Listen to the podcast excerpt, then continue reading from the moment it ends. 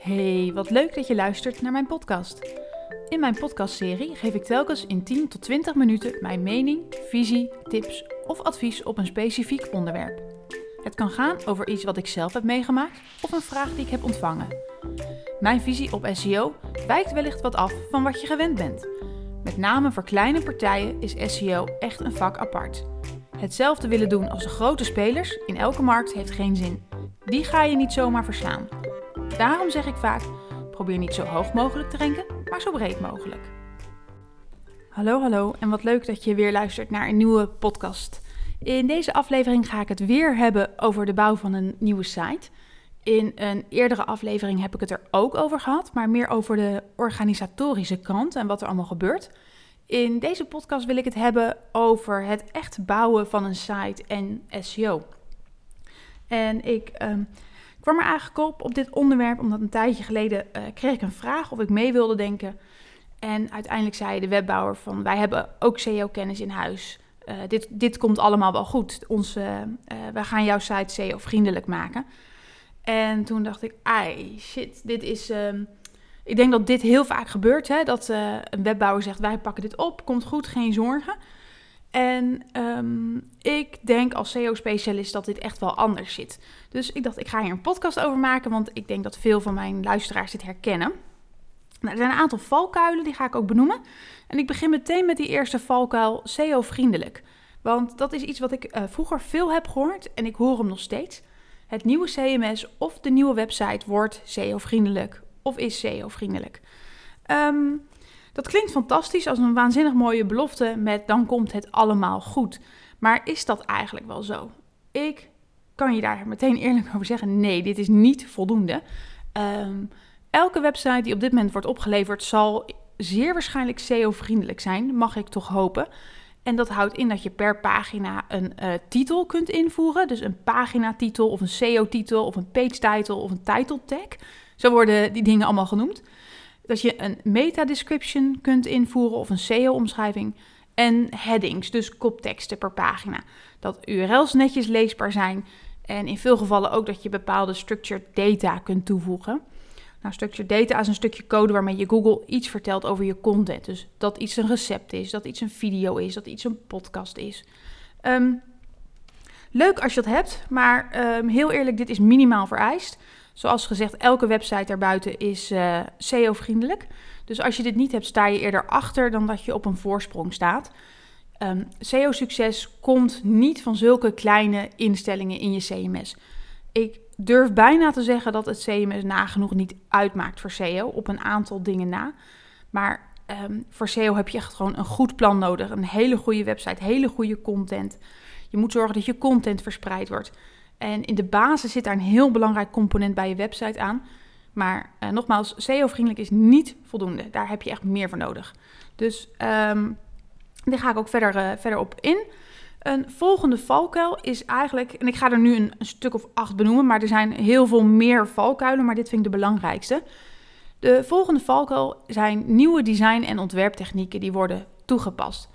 Um, en dat is logisch ook. Als webbouwer ben je waarschijnlijk idolaat van webbouwen. Van, zit je boven op het nieuws, ontwikkelingen. En zeg je, hey, dit is gaaf. We gaan met deze nieuwste techniek aan de slag. Nou, een tijdje zag je uh, bijvoorbeeld heel veel single-page applications. Dat is een moeilijk woord voor een website die bestaat uit één pagina. En um, ik heb echt de grootste websites daarin gebouwd zien worden. Of althans de plannen daarvoor gemaakt zien worden. En daarvan hebben we toen gelukkig kunnen zeggen, doe dit nou niet... Um, dit werkt niet één op één goed met, met Google. Je kunt niet maar één pagina hebben met daarop al je content. Dit moet je gaan oplossen. Um, nou, dit is alweer jaren geleden dat dit speelde. Maar het, het gebeurt nog steeds. Ik zie um, bijvoorbeeld de, de, uh, dat pagina's in JavaScript worden gemaakt. Uh, die Google niet altijd kan verwerken. Nou, dat betekent dat Google op een pagina komt en niet goed snapt wat daar gebeurt. Dus met nieuwe technieken en nieuwe uh, designmethodes moet je gewoon ontzettend oppassen. Beter kun je daar niet mee experimenteren en terugvallen op gewoon een goede, solide techniek waarvan we zeker weten dat Google het kan verwerken. Bedenk je namelijk als jouw content in een lastige techniek gemaakt wordt of aangeboden wordt, um, dat Google die, die inhoud waarschijnlijk niet kan zien van die pagina's en dus dan ook niet kan bepalen waar jouw pagina over gaat. En ook niet op welke zoekvragen hij jou moet laten zien waar jij relevant voor bent.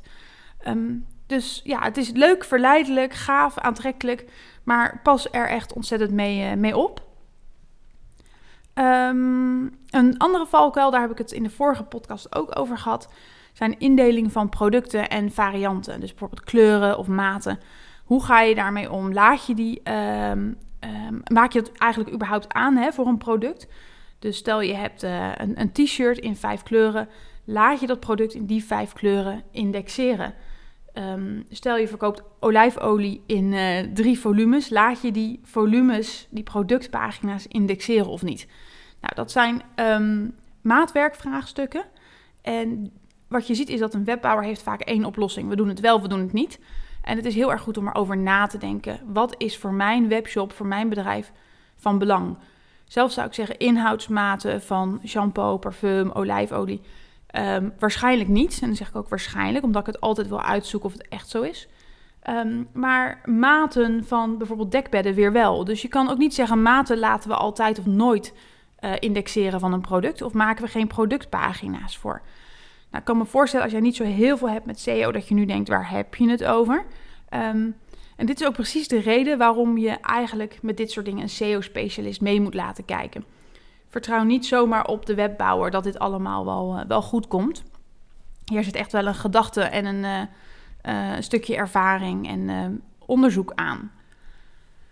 Dan heb je nog eigenlijk een valkuil. Welke structuur hou je aan? Um, er zijn een heleboel websites die zijn niet zo eenvoudig aan te passen. Um, dat je zegt van, goh, maak even een pagina voor alle merken erbij die je voert op je website. Maak een pagina aan voor um, um, alle productgroepen die je hebt. En welke productgroepen zijn dat dan? En hoe ga je het assortiment opdelen? Um, stel dat jij bijvoorbeeld BH's verkoopt. Ga jij jouw assortiment opsplitsen in beugels of beugelloos en uh, uh, uh, push-up BH's? Of worden je pagina's dan niet meer relevant genoeg? Uh, maar ik heb het ook weer over, de, weer over kleuren in dit geval. Stel, jij hebt uh, heel veel t-shirts en jij hebt ze in, ook in verschillende kleuren. Laat je die pagina's waarop alle producten staan, dus je categoriepagina's met kleuren, laat je die wel of niet indexeren bijvoorbeeld. Het zijn twee hele belangrijke vraagstukken. Hoe ziet mijn structuur eruit en wat laat ik wel of niet indexeren door Google? En ook hier geldt dat een webbouwer vaak redelijk recht toe, recht aan um, een structuur uitwerkt of redelijk recht toe, recht aan laat. Uh, je bepaalt wat wel of niet geïndexeerd wordt.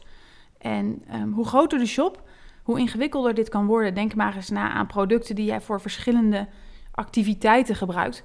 Als jij jouw webshop indeelt op activiteit, ga je waarschijnlijk pagina's krijgen die heel veel op elkaar lijken. Um, allemaal dingen om, uh, om over na te denken.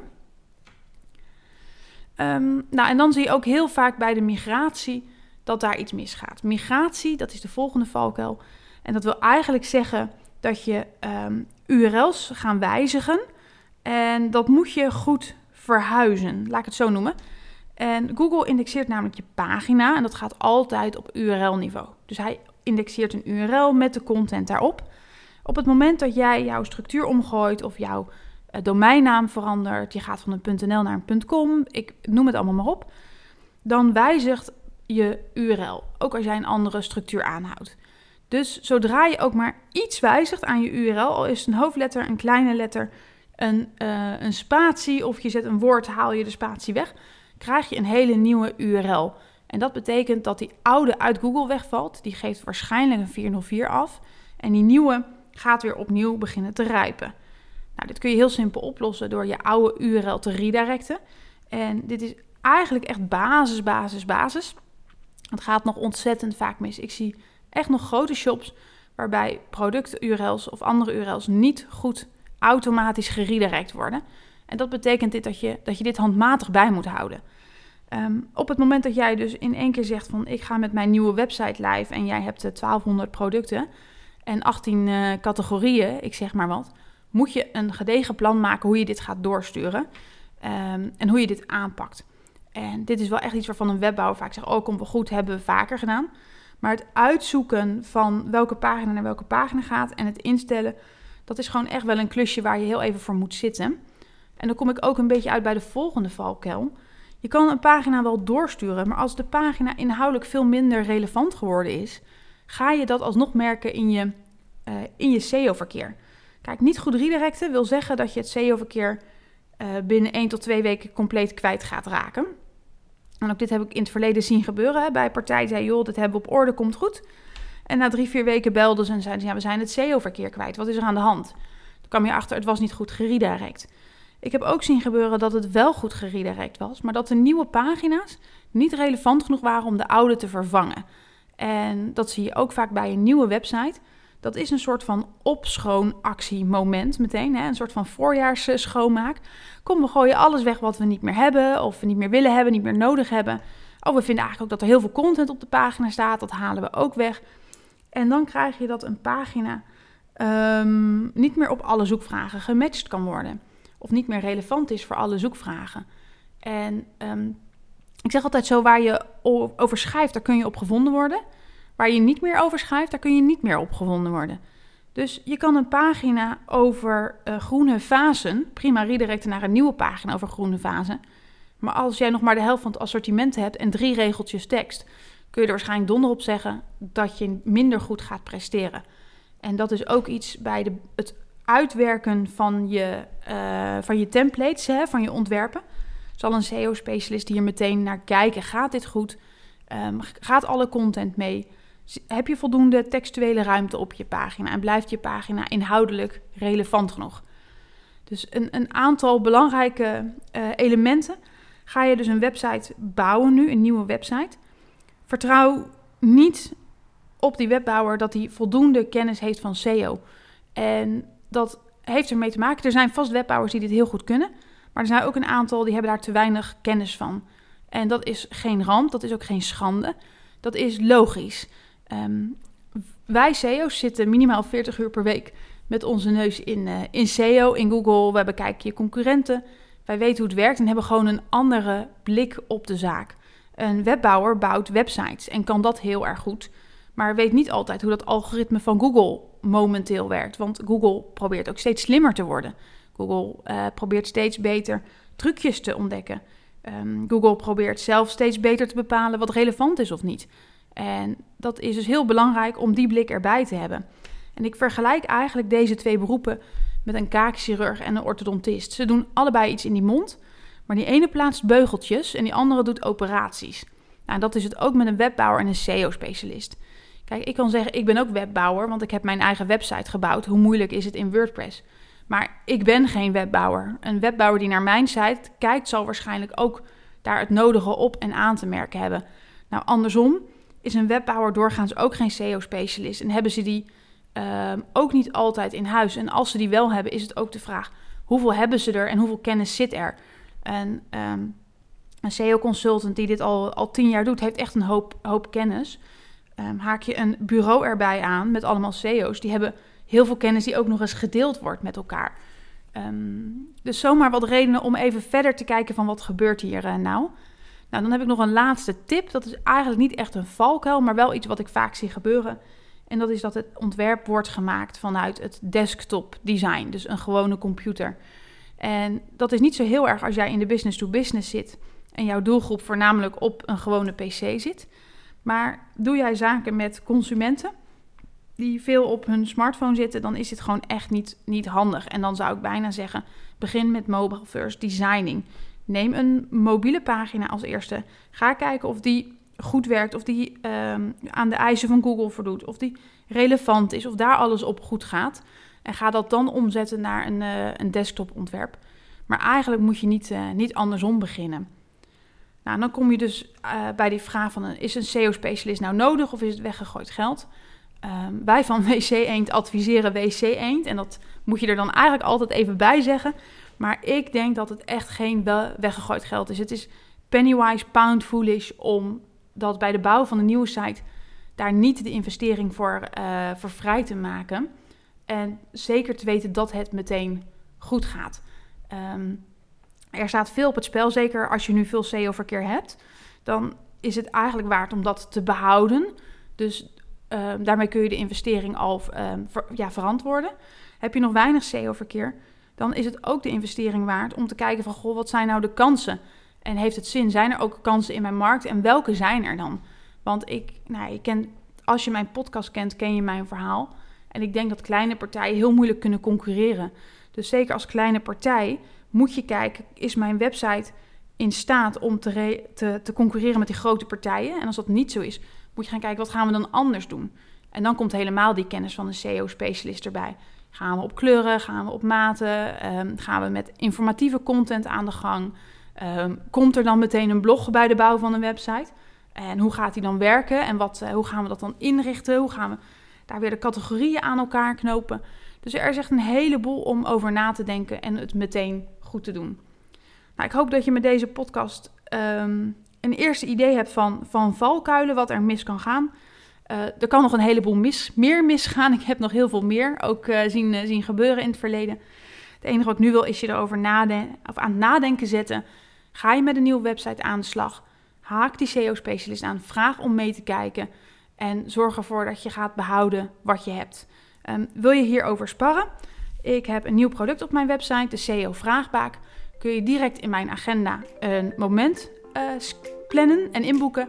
En dan gaan we met z'n tweeën een uur kijken naar jouw site, naar jouw problematiek. Mag ook over andere vragen gaan. Ga ik met je meedenken uh, wat voor jou de beste aanpak is voor, voor iets. Wil je verder niks missen? Volg me dan op Instagram. Je vindt me onder Chantal Smink NL.